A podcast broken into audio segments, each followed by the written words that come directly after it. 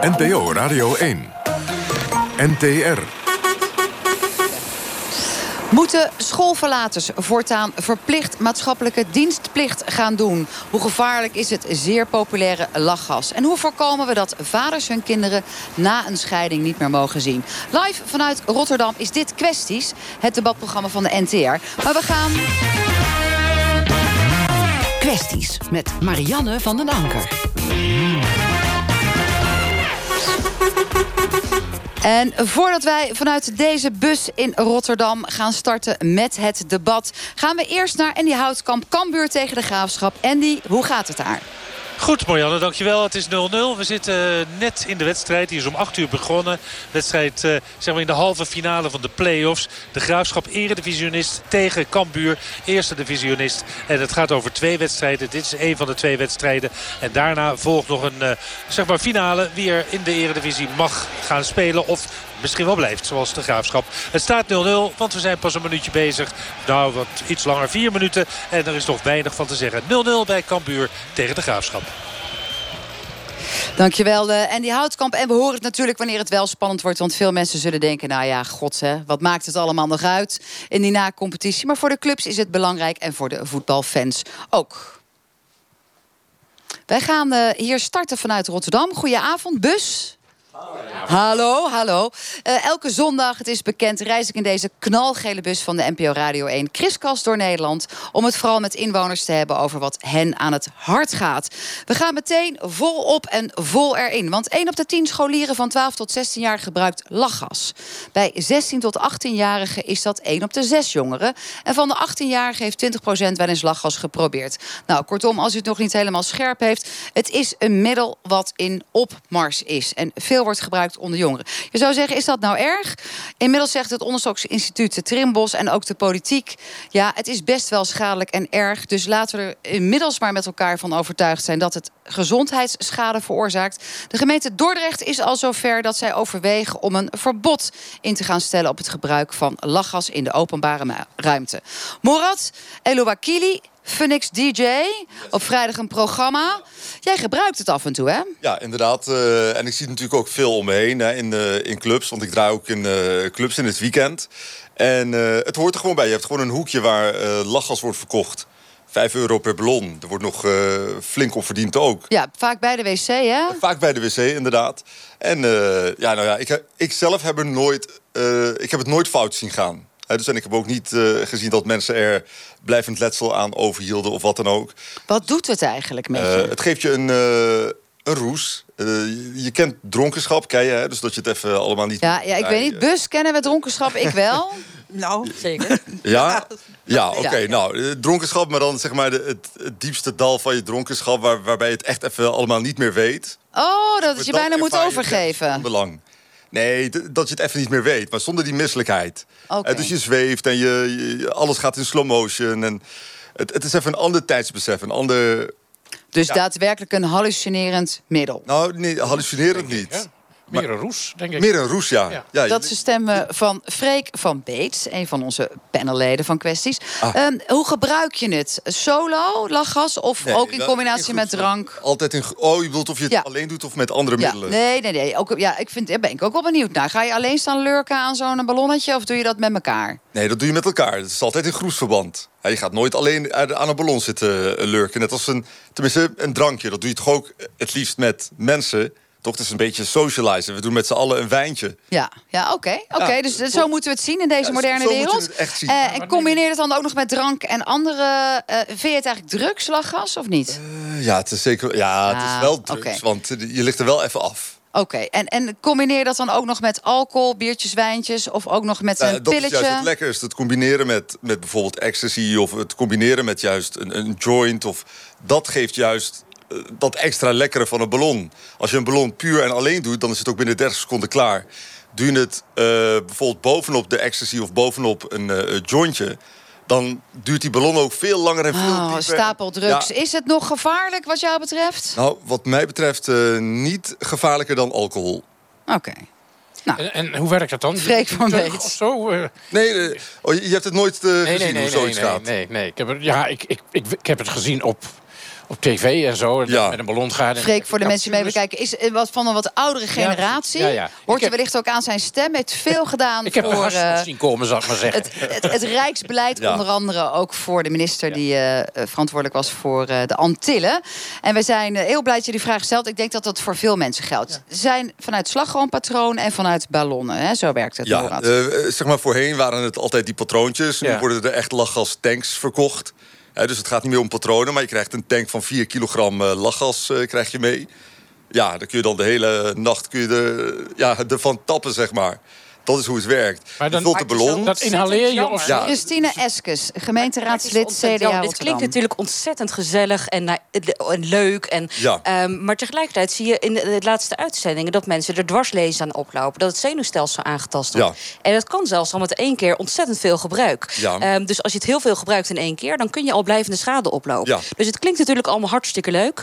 Maar laten we vooral ook ons bewust zijn van de gevolgen. En ik vind het nogal zorgelijk dat er zo ontzettend veel jongeren zijn... die dit gebruiken. Ja. Wat vind jij, Christine Eskes? In Dordrecht overwegen ze nu om het te verbieden in de openbare ruimte. Wij dachten, kader van kwesties, laten we de leeftijdsgrens erin gooien. Het drank is 18, lachgas ook vanaf 18. Wat vind jij? Ik ben het helemaal eens met een leeftijdsgrens van 18. Laten we zorgen dat ook mensen zich goed bewust zijn van de gevolgen.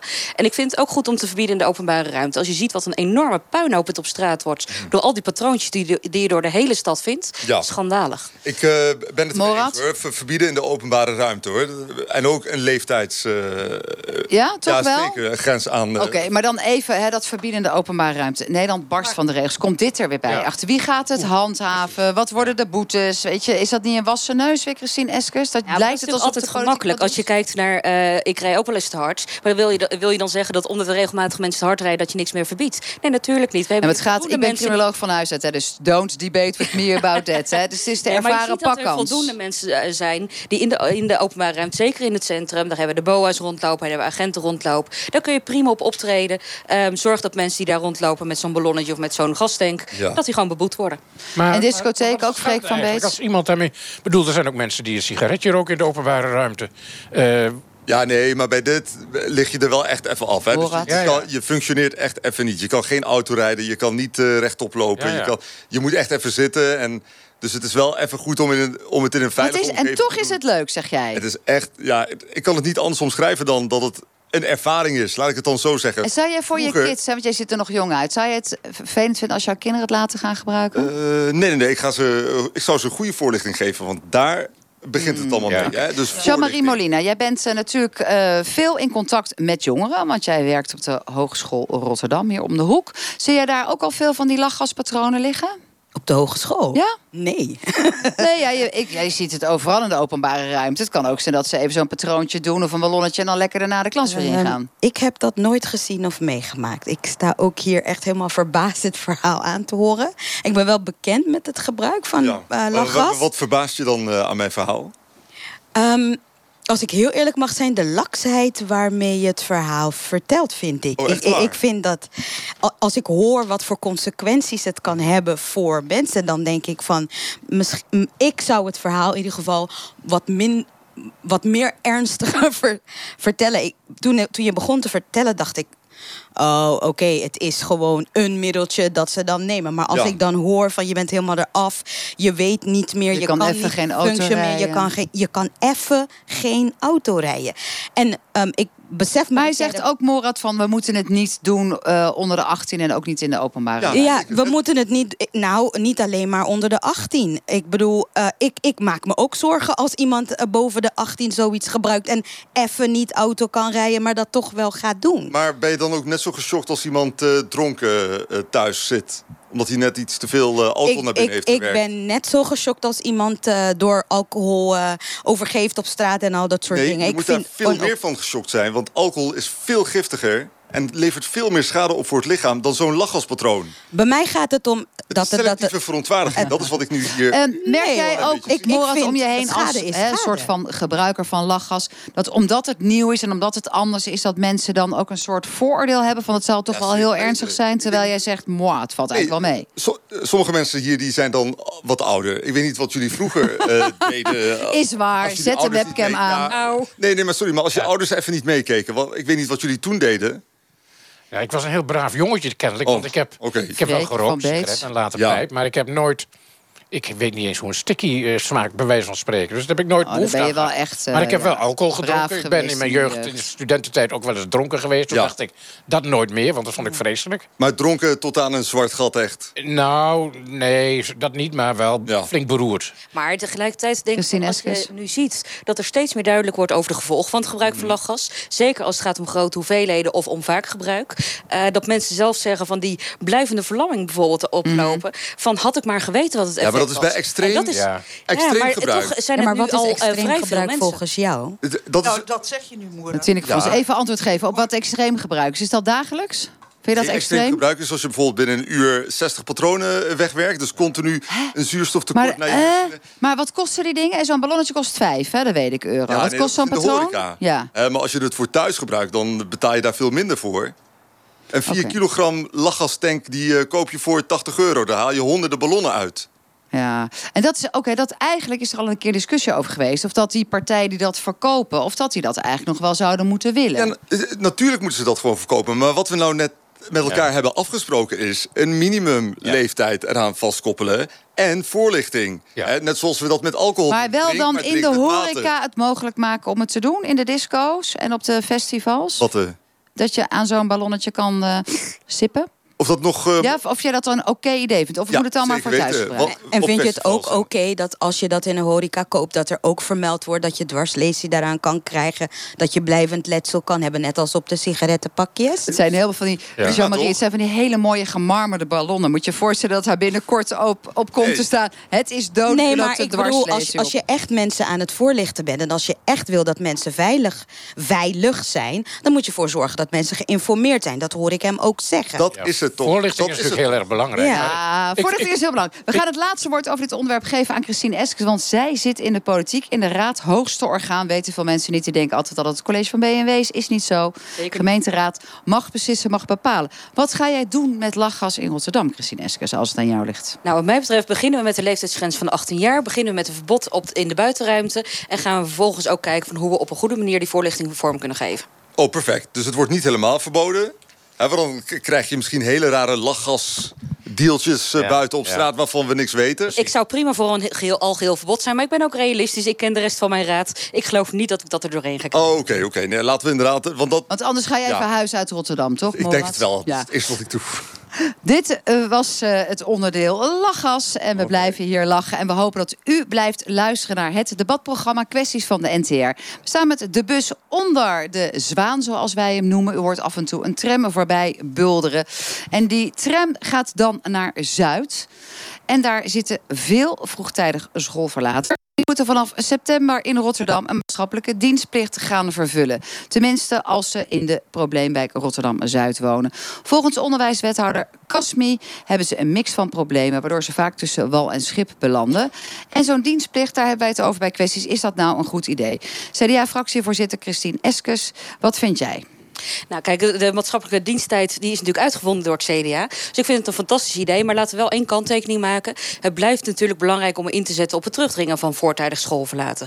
Want dat is uiteindelijk is een diploma toch het allerbeste eh, ticket naar de toekomst. Maar mocht je toch uitvallen, dan is het een fantastisch idee om je in ieder geval nuttig bezig te houden. En te zorgen dat je iets doet aan de opbouw van je cv. En wat vind jij dan eh, acceptabel? Want je moet er natuurlijk dan aan het werken. Hè? Want dat betekent zit niet op school. Je hebt het bij wijze van spreken op z'n Rotterdams gezegd verkloot. Hebt allerlei kansen gehad. Wat ga je doen? Schoffelen, parken schoonmaken? Wat vind je acceptabel? Nou, wat mij betreft zijn heel veel dingen acceptabel. We hebben ontzettend veel eh, te doen in de zorg. In, op allerlei terreinen is er ontzettend veel werk eh, te doen.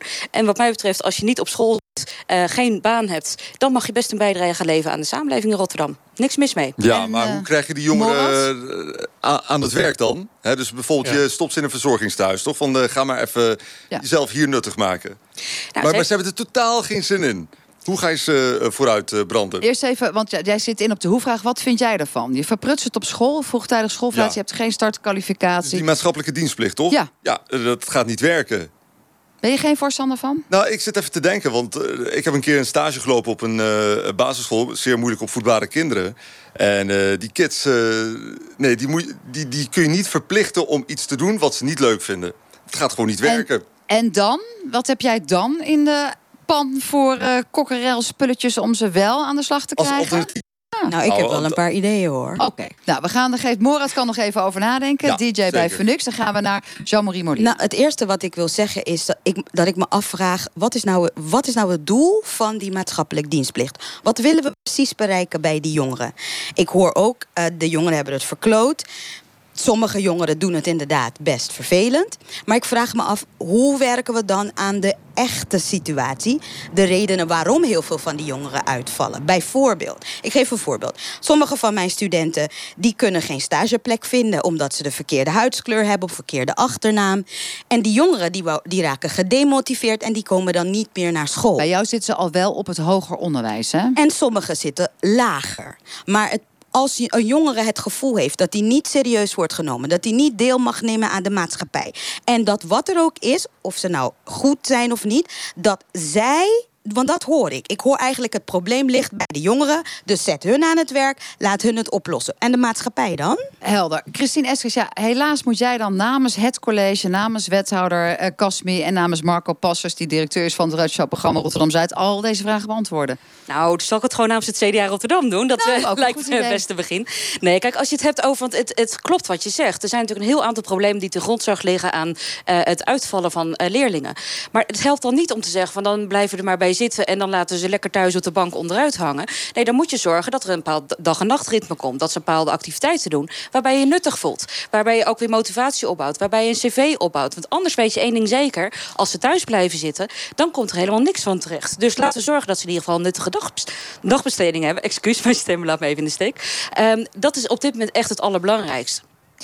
Uh, voordat we weer naar Jean-Marie Molina gaan. Freek van Beets, u studeerde politicologie. Dus u hebt echt heel veel verstand van hoe je dit allemaal moet gaan organiseren nou, in de samenleving. En u bent ook nog eens een keer gepensioneerd adviseur van de minister-president van de Antillen. En columnist. Maatschappelijke dienstplicht Rotterdam-Zuid voor jongeren. Goed idee? In, in beginsel, ja, ik denk dat het een goed idee is. Maar je zult heel sterk maatwerk moeten leveren. Omdat jongeren inderdaad een heel verschillende achtergrond kunnen hebben. Heel verschillende motivaties. Dus je kunt niet allemaal, zoals hier het voorbeeld genoemd... een verzorgingstehuis insturen. Daar worden ze echt niet uh, uh, vriendelijker en, en, en bereidwilliger door. Wat doe je het personeel ook aan van zo'n verzorgingstehuis? Precies, dus je moet heel goed kijken hoe je jongeren... Want natuurlijk, uh, iedereen heeft een bepaalde ambitie in zijn leven. Ook al heb je nog zo verkloot, mm. je wilt toch iets met jezelf. En misschien levert zo'n maatschappelijke dienstplicht... Een, een, een venster op naar de toekomst. Van dat je ineens met een klus bezig bent... van je denkt van nou, dat is eigenlijk best leuk, had ik nooit geweten. Dus, en misschien dus ook, ik zie het ook als een kans. Of is dat heel raar? Een beetje, kijk een beetje naar de oude generatie. Ook een beetje gewoon dwang. Van nou, kom op, hè, je hebt het op school niet gedaan. Je kan niet thuis gaan lopen hangen. Je gaat gewoon wat doen. Tineke, wat vind jij daarvan? Ik vind, het een, ik vind het een heel goed idee. Laat ze in ieder geval werkervaring opdoen. En laat ze voelen wat het is om nuttig te zijn voor de samenleving. En of dat nou in de zorg is of in de plantsoenen. Dat zal mij worst wezen. Maar, maar dwang is daar scheid aan hebben hoor. Die, uh, Morat ziet het niet zitten. Sorry hoor, ja, die, die hebben daar echt scheid aan. Als je ze naar het plantsoen uh, stuurt met een uh, schoffeltje... Uh, en je kijkt even de andere kant op... dan zijn ze zo naar de koffieshop om een wietje te halen... en dan gaan ze ergens in een plantsoenetje een wietje roken. Of een ballonnetje. Maar diezelfde jongeren die melden zich wel bij het jongerenloket voor een uitkering. En wat mij betreft zou er altijd daar iets tegenover moeten staan. Ja, maar je kunt niet zeggen van dat, je, dat je uh, wel je handje ophoudt om uh, je telefoonrekening te kunnen okay, betalen, duidelijk. maar tegelijkertijd geen tegenprestatie levert. Klopt, maar dus nogmaals, betreft, dwang is niet duurzaam. Nee, maar we, als je pakken kijkt, het op korte termijn met mijn buurman um, dat het heel erg gaat om maatwerk. Zorg ja. dat je aansluit bij de interesse van, uh, van jongeren. Maar dat je iets moet doen. En dat je daarmee een hm. dagritme opbouwt. Dat je daarmee ervaring opbouwt. Dat is ongelooflijk belangrijk. En even maar, maar, te nemen voor Christine Eskes. Dit is zo'n verhaal en zo'n maatregel komt volgens mij ook niet uit het niets, toch? Volgens mij is er al best wel veel geprobeerd om ervoor te zorgen ja, in Rotterdam. Ook. Dat en je ziet ook dat er zeker op Rotterdam Zuid uh, dat er echt gewerkt wordt, ook met baangaranties. Dus dat er echt heel veel aan wordt om te zorgen dat de jongeren, zeker op Rotterdam Zuid, waar werkloosheid hoog is, waar een schooluitval hoog is, juist om ervoor te zorgen dat hun toekomst echt meer verzekerd is. Nou staan wij met de bus van kwesties aan de noordkant. Aan de zuidkant gaat het dan gelden. Is dat niet ook een beetje discriminatie? Nou ja, het gaat nu beginnen als een pilot. Dus uh, ik denk dat het goed is om daar te beginnen waar het probleem het grootst is. Uh, maar als dat goed uitpakt, dan uh, lijkt mij prima om dat voor elke schoolverlater in te zetten. Jean-Marie Moline, jij zag het niet zitten, want jij denkt dwang werkt niet. Waarom niet? W want je, je, je vraagt de jongeren eigenlijk om hun gedrag aan te passen door iets externs aan te bieden. Je, je wordt gedwongen om iets te doen en je, ver, je verwacht dan dat het gedrag gaat veranderen. Want daar gaat het eigenlijk om. Het veranderen maar hoeveel, van gedrag. Even gewoon, want even, ik ben zelf opvoeder moeder van vier kinderen. Soms Ja. denk ik ook gewoon van de plank af met je luie reet. Ja, maar, wat maar, doen. maar, da- maar da- daar zit iets in. Wie zegt nou dat het is dat die jongeren lui zijn? De redenen dat jongeren uitvallen, vallen onder verschillende nummers. En ik hoor nu een intentie, en ik vind die intentie wel goed, maar laten we het probleem dan ook holistisch aanpakken. Maar dat wil je zeggen, ze hebben misschien schulden of het gaat thuis eh, niet lekker of... Maar we, we- dat kan. Maar wat we heel vaak doen is, we, we gaan werken aan dingen waar we niets aan kunnen veranderen. We kunnen bijvoorbeeld heel vaak niet veranderen aan waar die jongeren vandaan komen.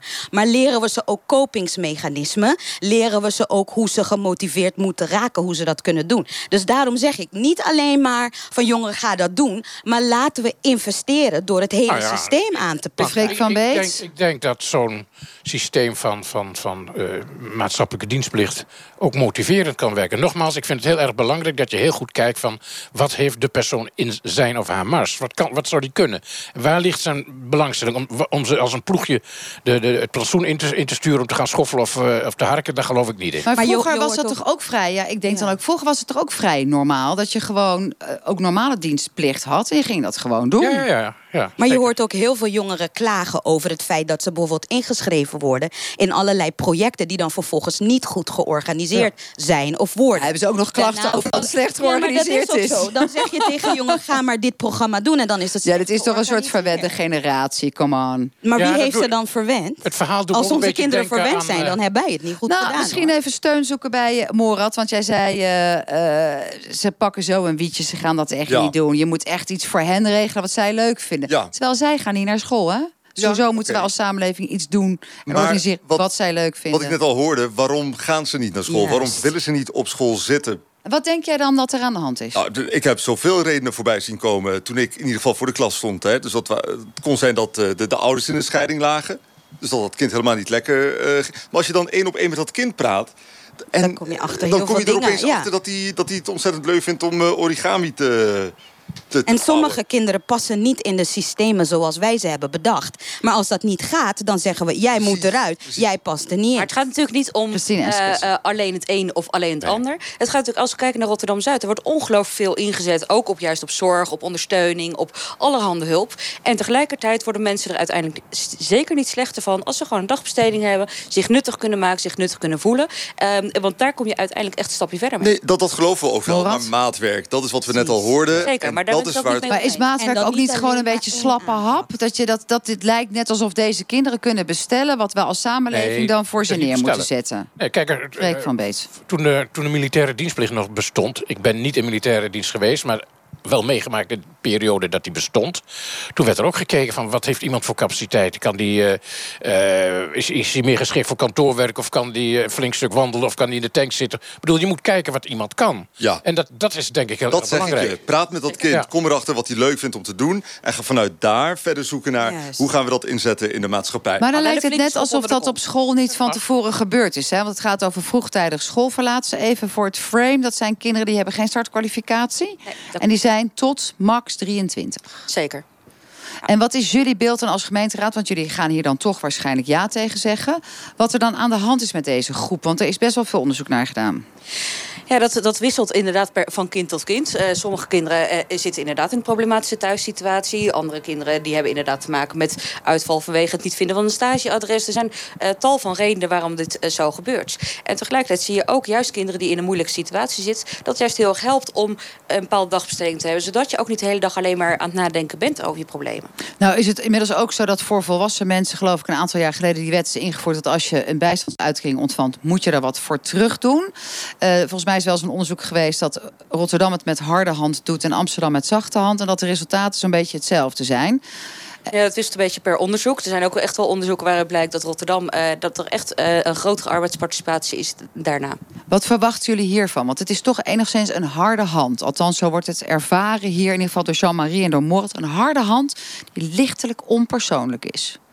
Ja, ik denk dat het helemaal niet zo onpersoonlijk is. Als je kijkt naar de situatie op Rotterdam-Zuid... waar we ongelooflijk veel investeren... waar ook het Rijk miljoenen investeert om uh, de situatie daar te verbeteren. Dat ik denk dat ik verwacht dat die pilot goed ingebed wordt... met voldoende ondersteuning, met uh, goede projecten... die ook aansluiten bij uh, belevingswereld van de jongeren. Um, en dan gaan we gewoon met elkaar kijken wat het effect is. Ik heb daar wel goede verwachtingen van. Freek van Beets. Ja, ik moet ineens denken aan het gesprek wat ik laatst met mijn kapper had. Die, uh, die komt uit een, uit een gezin met heel veel problemen. Als jongen van 15 ging hij het huis uit en het slechte pad op... totdat hij opgeroepen werd voor militaire dienst. En die zei, ik dank God op mijn blote knieën... dat ik in militaire dienst moest, want daarna heb ik me weggevonden.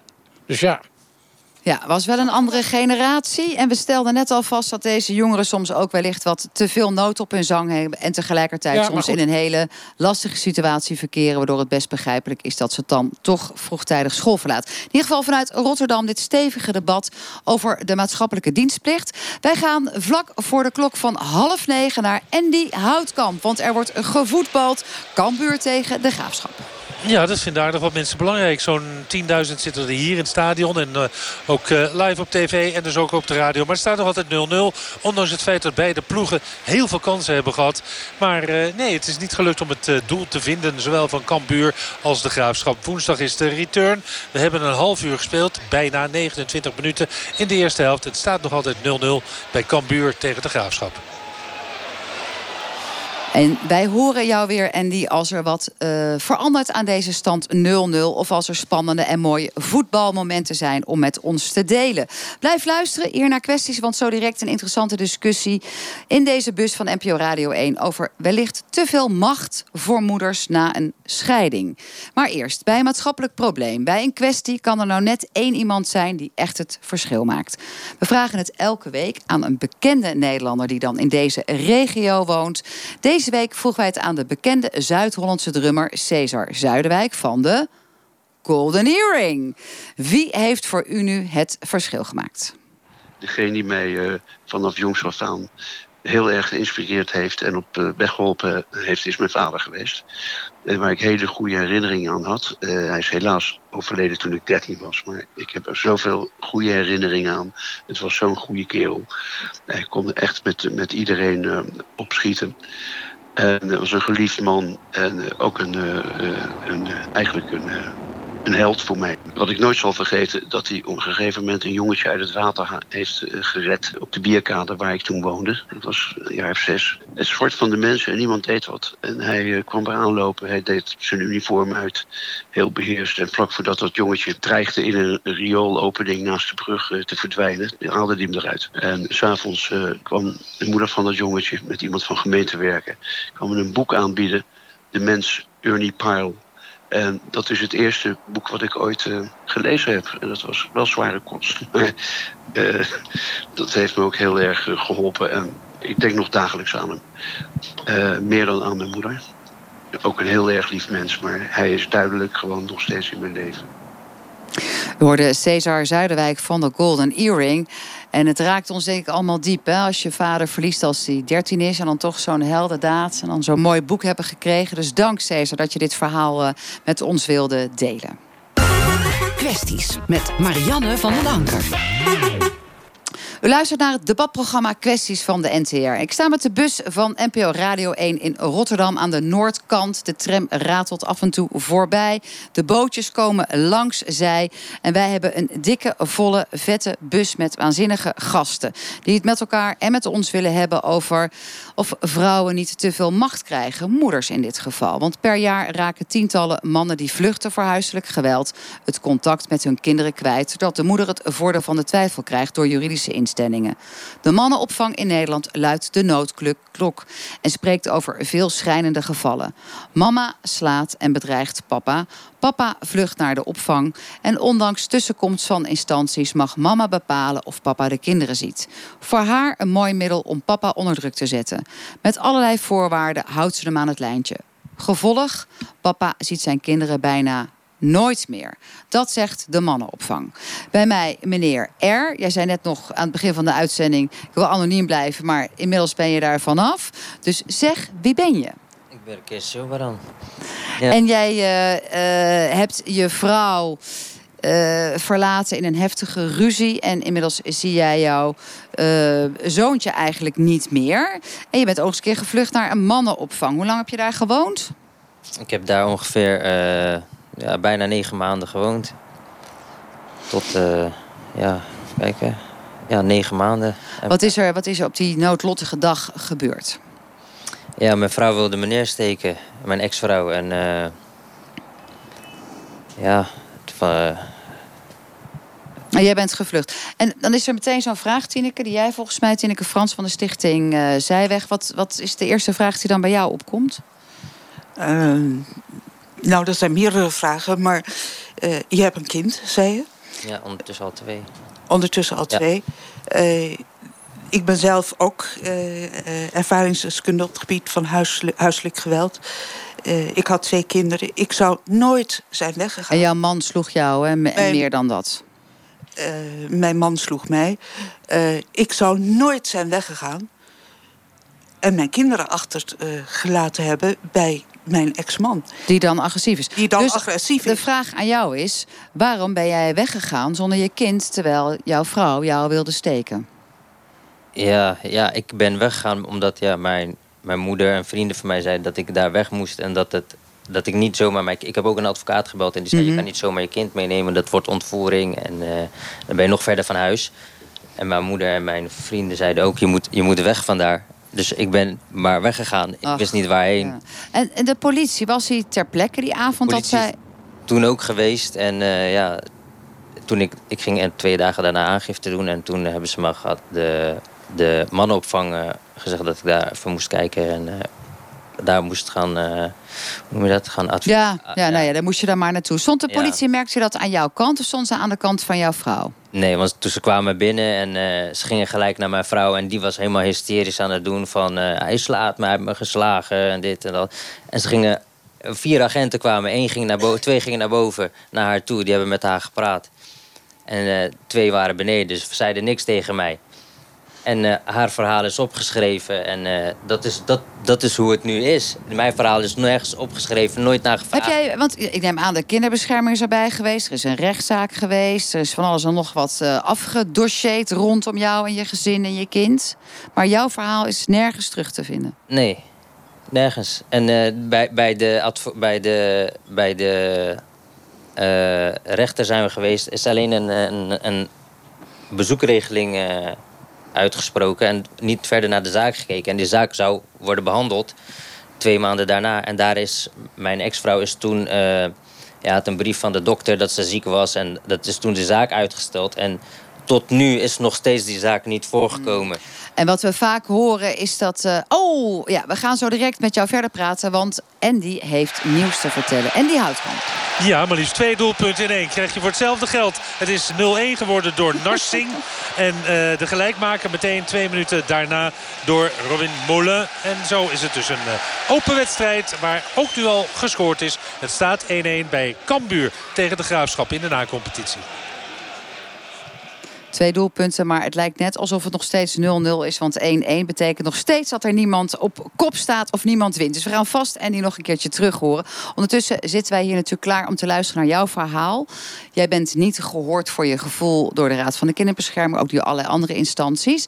Jij hebt zelf het verhaal in jouw eigen hoofd. En dat moeten wij dan ook maar geloven. Dat jouw vrouw jou heeft belaagd. Dat jij slachtoffer bent. Jij zit in een mannenopvang. En jij mag inmiddels ook je kind niet zien. Omdat jouw vrouw niet de omgangsregeling uitgesproken door de rechter respecteert. Wat kan je nou nog doen? Helemaal niks. eh, wachten totdat iemand het ziet eh, hoe het zit. En eh, ja, tot die tijd kan je niks doen. Maar Ja. totdat iemand, ik vraag me Morad. Ik vind het echt een verschrikkelijke nachtmerrie hè, waar je in verkeert. Maar je zegt wachten totdat iemand het ziet. Hoe? Hoe hoop je dat iemand ooit inziet wat er echt aan de hand is dan?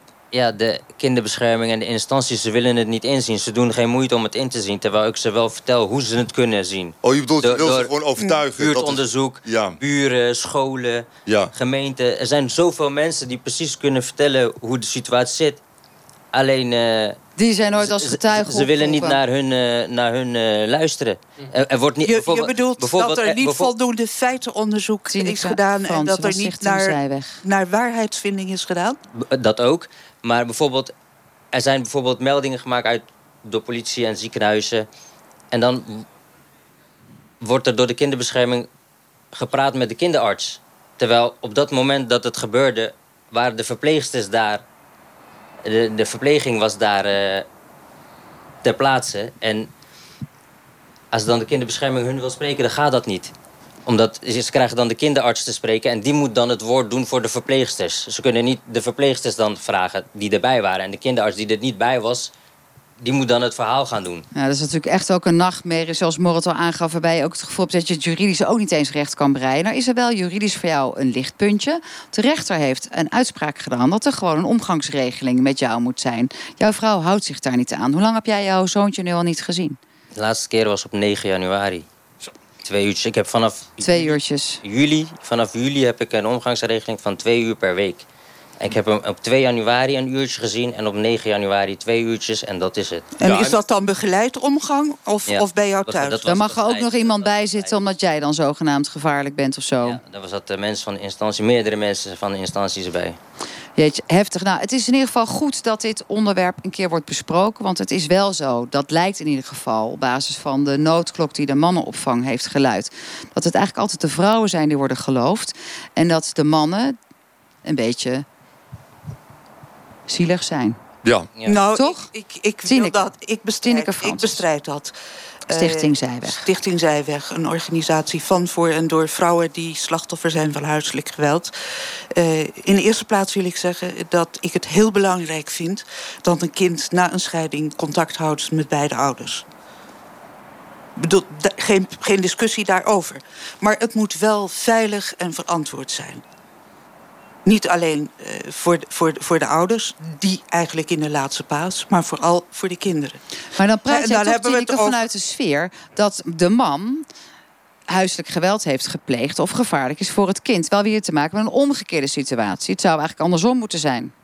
Ik zie dit, deze situatie ook heel vaak voorbij komen. Dat moeders die een omgangsregeling hebben met een ex-partner die blijft dreigen dat hij de kinderen wat aan zal doen, dat hij haar wat aan zal doen, omdat die vrouw bij de man weg is gegaan. En die vrouwen worden dus ook niet geloofd door de instanties. Nou, lekker Daar wordt toestand. niet- daar- nou, en ik denk Tineke, dat voordat het- we het vanuit het perspectief van ouders gaan eh, bekijken... gaan we eerst even naar de telefoon, naar Didi de Vries. Want jij bent kind van gescheiden ouders. Didi, goedenavond. Goeiedag, hallo. Hi. Jij was drie toen je ouders gingen scheiden... en je hebt daarna je vader nooit meer gezien. Hoe kwam dat? En mijn moeder die had gewoon met jeugdzorg contact. En die, al- alles werd geloofd door jeugdzorg, zeg maar. Alles wat mijn moeder zei werd geloofd. Mijn vader gaf dingen aan. En dat werd gewoon niet eens naar gekeken, zeg maar. Maar ik wil wel een opmerking maken. Want wat ik hoorde net, zegt ze... dat alleen maar moeders eh, alles regelen, zeg maar. Dat die alles voor elkaar krijgen. Maar ook vader, het is ook andersom. Dat het ook andersom gebeurt. Niet alleen moeders die dat overkomen. Ja, en in jouw Allebei. geval heb jij het je moeder kwalijk genomen... dat zij zo negatief heeft gesproken over jouw vader... terwijl dat eigenlijk helemaal niet had gehoeven? Ja, zeker wel, zeker wel. Want ik heb zoveel ellende erdoor gekregen wat gewoon niet nodig was geweest. Ik heb heel veel depressies gekregen, posttraumatische stressstoornis. Ik ben het verkeerde pad opgegaan. Ik, ik, ik heb in tehuizen gezeten door haar. Ik heb zoveel ellende meegemaakt voor een kind. Weet je, dat was helemaal niet nodig geweest. Ik had En- gewoon dan bij mijn vader kunnen gaan wonen, zeg maar. Ja, maar jouw vader was ook in die periode dat die echtscheiding speelde... ook niet de liefste. Hij heeft jouw moeder ook gewoon geslagen. Ja, klopt. Maar dat kwam omdat hij ons niet meer te zien kreeg. werd hij gewoon agressief.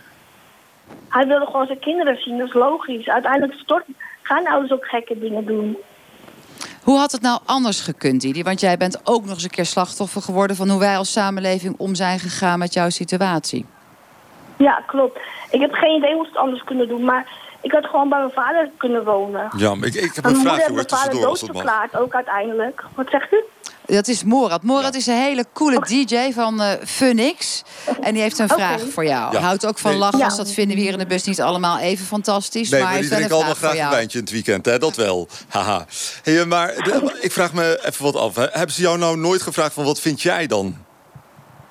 Nou ja, ik werd zo bang door mijn, moed- eh, door mijn vader gemaakt, zeg maar, voor mijn vader. eh, dat ik mijn moeder ook geloofde. En toen ging er elk, elke twee jaar moest ik ook een brief naar de rechtbank sturen... dat ik geen contact met mijn vader wilde hebben. Dat moest van je moeder. Nou ja, mijn moeder zei van je kan kiezen, maar dit verhaal met mijn, wat mijn moeder vertelde, zeg maar, was gewoon zo, dat ik zo bang was. Hmm. Ik wilde hem ook niet meer zien. En heb jij later, want dat heb ik, als het goed is, van jou begrepen al een keer eerder dat we elkaar hebben gesproken. Later heel erg begrepen dat jouw vader helemaal niet zo'n beroerde man was, maar gewoon een Nee, ongelooflijke lieve schat. En dat jouw moeder echt ook van alles heeft verzonnen over hem, over hoe Ja, klopt, agressief klopt. en erg hij was.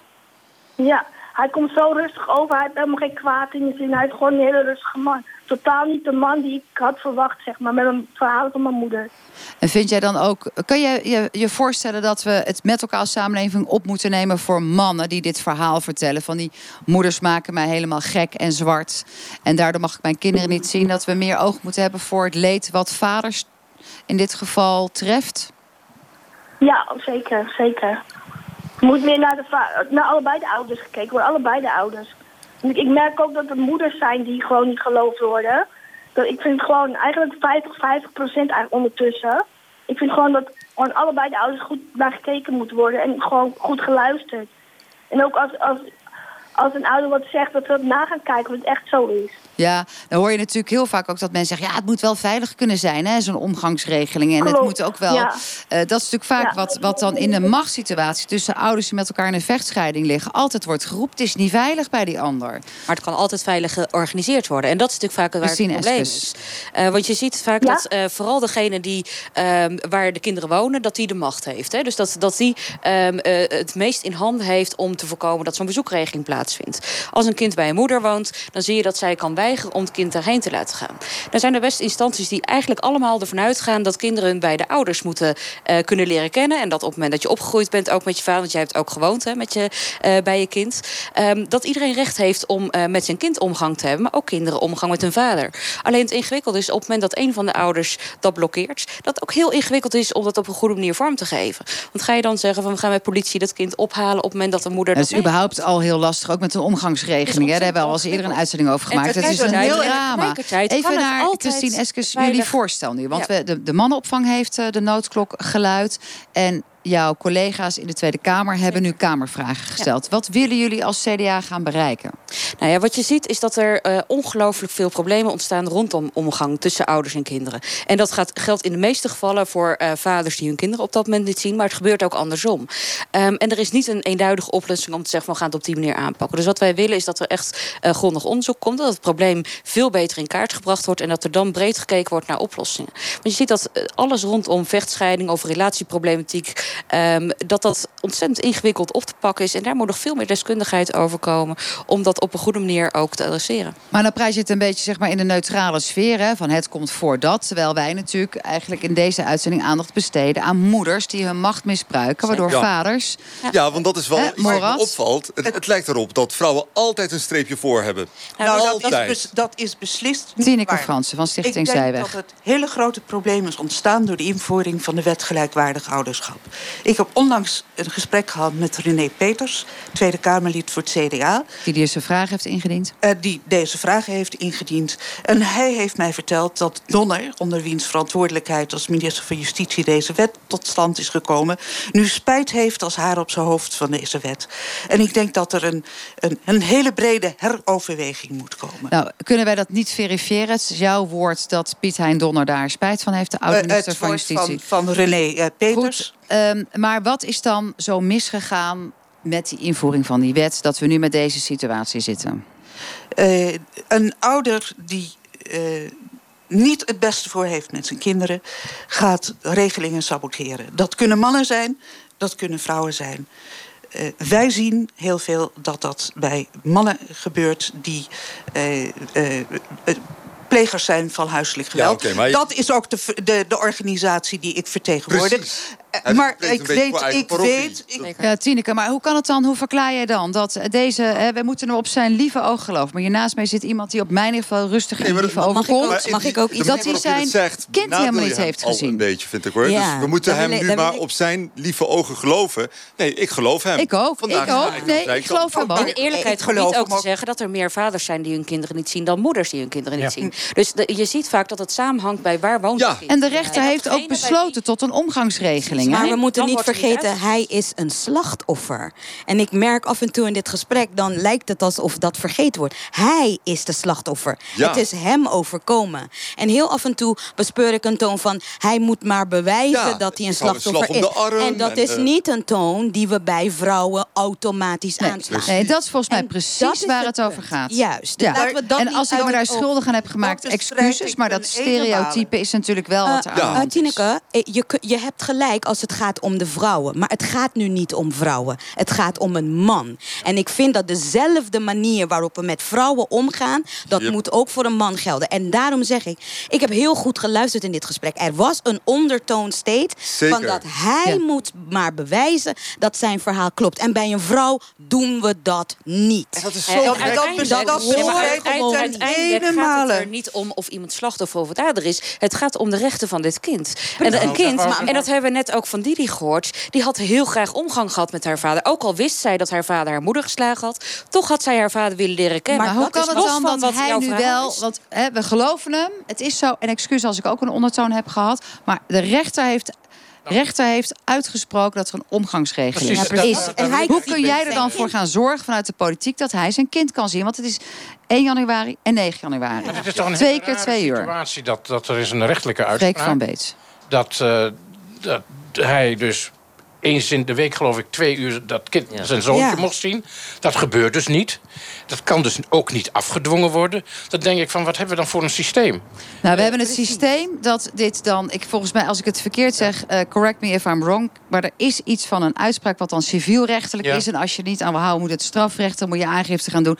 Politie zegt ook zonder er kan dat... echt wel veel meer dan de- dat. maar dat kost het systeem Ja. heel veel energie. Want dan moet Eens. iedereen en precies. toestanden gaan doen... en dan moet het in de strafrechtelijke sfeer... en dan pas kan je opgehaald worden zit je in als kind... en dan, het nou ja, eigenlijk gaat et om cetera. kinderen die, Ja. die, Ja. die En laten we ook eerlijk zijn, het is, het is ook niet altijd in belang van het kind. Hè? Als je met politie bij spreken het kind bij, eh, Ja. thuis gaat ophalen... Waarbij, ehm, eh, om het weg te brengen naar een vader... dat is natuurlijk ook niet waar, hoe je, wat je een kind wil aandoen. Nee. En tegelijkertijd zijn de mogelijkheden rondom bijvoorbeeld opleg van een dwangsom. Ik vind dat op het moment dat een ouder een bezoekregeling niet nakomt... dan moet daar dus tegen opgetreden worden. En dat betekent dat het opleggen van een dwangsom... dat is nog maar sinds kort mogelijk. Maar dat zou veel meer... Ja, het is dus gewoon de boete als jij niet meewerkt Nee. aan het. Als Zou jij, dat, zou je daar het blij mee zijn als jouw ex gewoon een boete krijgt en dan kan jij wel je kind zien? Ja, die boete, ja. Nee, het boeit hem echt niet hoor. Als hij Het gaat mij maar niet... Ik zien. wil mijn zoon Ja. gewoon zien. Ja, precies. Het- het ma- Boete of ja, niet, Het kan hem maakt me niet uit eh, hoe. Ja. Is het voor jou ook nog belangrijk dat jij ooit weer wel wordt geloofd? Want hè, de ondertoon waar ik me ook schuldig aan maakte, hè, van we moeten het maar geloven dat jij niet degene bent geweest die daar agressief is geweest, maar jouw vrouw. Is dat voor jou nog van belang? Dat dat wordt gerectificeerd? Dat wij met z'n allen weten, jij bent gewoon een goede gast.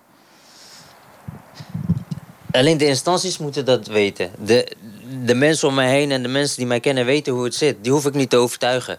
Het is alleen de instanties die, die het niet geloven. En Ja. de politie en...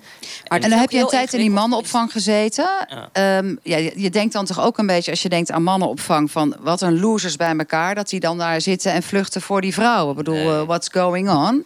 Maar zit- wat waren daar de verhalen van de mede eh, Ja, mensen die daar in die verschillende- opvang er zijn, zaten? er zijn verschillende soorten van huiselijk geweld. Het is niet bij allemaal hetzelfde. Het is, we waren daar met, met, met, met 10, 12 man. En er was maar één in ongeveer hetzelfde situatie als ik. En de rest hadden andere verhalen. En ja, het is ook niet zo dat iedereen erover praat. Het is... eh, de- we hebben de het- meesten houden het ook voor hunzelf. Dus ik weet ook niet van iedereen hun verhaal. Maar Ja. En had jij nog zin om je aan te sluiten bij de Dwaze Vaders? Dat is althans de enige, een van de weinige organisaties die we kennen die zich hebben georganiseerd, waarbij mannen echt zeggen, er wordt ons echt onrecht aangedaan. Ik heb me, ik heb me daar niet... eh, Nee. nee ik en en hoe daar- lang zou het nog duren voordat je überhaupt eh, overgaat tot een volgende eigen actie? Hè, toch het weghalen van de kinderen daar? Of hoe lang hou je dit vol op deze manier? Dat is, ja, het, eh, je kan niks doen. eh. Nee, nu niet. Maar er komt toch een moment dat je, dat je, dat je hem flipt. Dat je denkt van nee, ja, sorry. Die, die, die momenten zijn al geweest. En, en toen, ja, ik ben ook daar gegaan. Ja. Daar is naar waar jouw ex-vrouw woont. ja, op, maar dat was op de verjaardag van mijn zoon. Ja. En eh, de deur was open, ik ga naar binnen. Niet helemaal naar binnen, gewoon één stap in de hal. Ja. Gelijk, oh, je komt in mijn huis. Ja. Terwijl mijn zoon Drama. is jarig, hij, ziet Ja, ja, mij, ja. hij ziet mij echt Ja. blij. Ja. Ja, gelijk je naar boven brengen. Politie bellen, politie komt. Ja, hij, hij komt Ja. in mijn huis zonder dat ik het wil. Dat bedoel ik. En ik heb gelijk Ja. een straatverbod. Omdat ik volgens haar ook al weken in de bosjes lag te loeren daar. Schrikkelijk. Maar dat is natuurlijk wel, als je, als je een slechte vrouw treft... Of een slechte man, want dat is het ook, in zo'n vechtscheiding... dan krijg je dit soort situaties. Jij gaat straks kijken als je je zoontje niet mag zien... en niemand neemt het voor je op, gaat hij vier jaar naar school. Tuurlijk ga je om de hoek staan kijken. Want je wil een glimp van je kind zien. Maar wat- nou, dan ik krijg zou je dat gedoe doen. weer. Wat zou sterker jij nog, doen dan? Ik zou hetzelfde doen. Ik zou ook om de hoek eh, kijken. Ik, eh, sterker nog, ik zou hem een keer meenemen naar mijn eigen huis. En maar dan, heb Dan jij echt een probleem, hoor, Dat als is- je dat doet? Dat is, dat, dat Is kan ja dat, nou... is dat dan in het belang van het kind? Als ik hem... Laten we nou niet praten over gelijkwaardig ouderschap, maar over kindwaardig ouderschap. Sorry hoor, maar het indoctrineren van het kind van je pa is slecht... dat is ook niet in het belang van het kind. Nee, daarom heb dus- ik het ook over kindwaardig ouderschap. Ja. En niet, niet over gelijkwaardig Precies, ouderschap. maar nu is die moeder jaar in jaar uit is ze het aan het opfokken, hè, zoals we dat al zeggen. Ze is aan het ver- verkloten. Op een gegeven moment ben ik er klaar mee. Dan ga ik mijn kind ophalen. En dan is het me en, en mijn kind nu. En Heb je dan voldoende dan vertrouwen in het rechtssysteem, Morat... dat dan jij niet eindigt met een straatverbod... en wellicht nog een strafblad? Nee, dat zou dan kunnen gebeuren, maar dat heb ik over voor mijn kind. Maar dan ga ik in ieder geval dat middagje met hem lekker naar de Mackie. Maar wat je daarmee We gaan doet- lekker naar een wat je pretpark. daarmee We gaan lekker leuke dingen doen. Maar wat je daarmee Ja. doet, is dat je strijd alleen verhevigt. En als je één ding vraagt aan kinderen van gescheiden ouders... zeker waar de strijd is tussen ouders... dan is het die continue ruzie, die continue spanning... waar zij ongelooflijk last van hebben. Dus dat betekent dat we echt nog beter op zoek moeten naar mogelijkheden... om die bezoekregeling af te dwingen. Dat kun je niet doen onder dwang met politie kinderen uit hun huis sleuren. Maar je moet middelen zien te vinden... waarop eh, ouders gaan meewerken aan zo'n bezoekregeling. Juist. Maar, ja, maar dan wordt het dus de boete. Dan krijg je gewoon ik de, anti-bezoekregeling boete. Zeker. Maar En Tineke Frans is het daar niet mee eens. Hij was Stichting Zijweg. Dus we geven jou even Nou, alle ruimte om te vinden wat jij vindt. Ik denk, ik ben het daar niet helemaal mee oneens ook. Maar ik denk dat het ook heel erg belangrijk is dat de professionals die hiermee werken. En dan heb ik het over zowel de politie als de mensen beveiligd thuis. En, en eh, iedereen dat die jeugdzorg, dat mensen, vooral de wijkdienst, want ik vind huiselijk geweld. Veilig thuis. Veilig thuis, dat die beter geschoold moeten worden en beter inzicht krijgen in de dynamiek in situaties van huiselijk geweld. En daar komt nog bij dat een heleboel wetgeving strijdig is. De wet eh, gedeeld ouderschap is in strijd met de meldcode en de privacywetgeving. Nu zijn professionals die een, een, een vermoeden hebben van huiselijk geweld verplicht om dat te melden. Vervolgens is degene die het geweld pleegt, gaat melden dat hij in strijd is met de privacy. Dus alle gevolgen van dien. Punt. Nou, ik heb je alle ruimte gegeven. Zeer veel dank allemaal vanuit Rotterdam over dit hele belangrijke onderwerp. Tot zover kwesties vanuit Rotterdam. Dus ik dank iedereen hier, alle gasten in de bus. En natuurlijk kijken wij Rijkhals uit wanneer jij je kind weer mag zien. Zo direct een radiodoc met een radiodocumentaire over de zoektocht van de filmregisseur Frans Wijs naar zijn vader. Dat alles na de nieuwsupdate van de NOS. Een fijne avond en tot volgende week.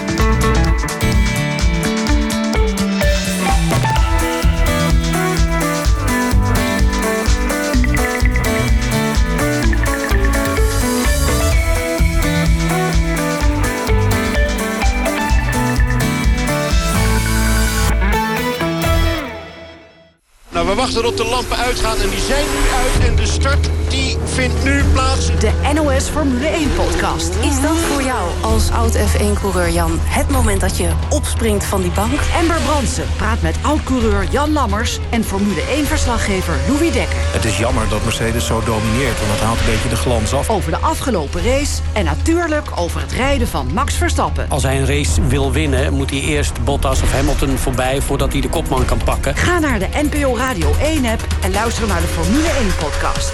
Wat een sensatie.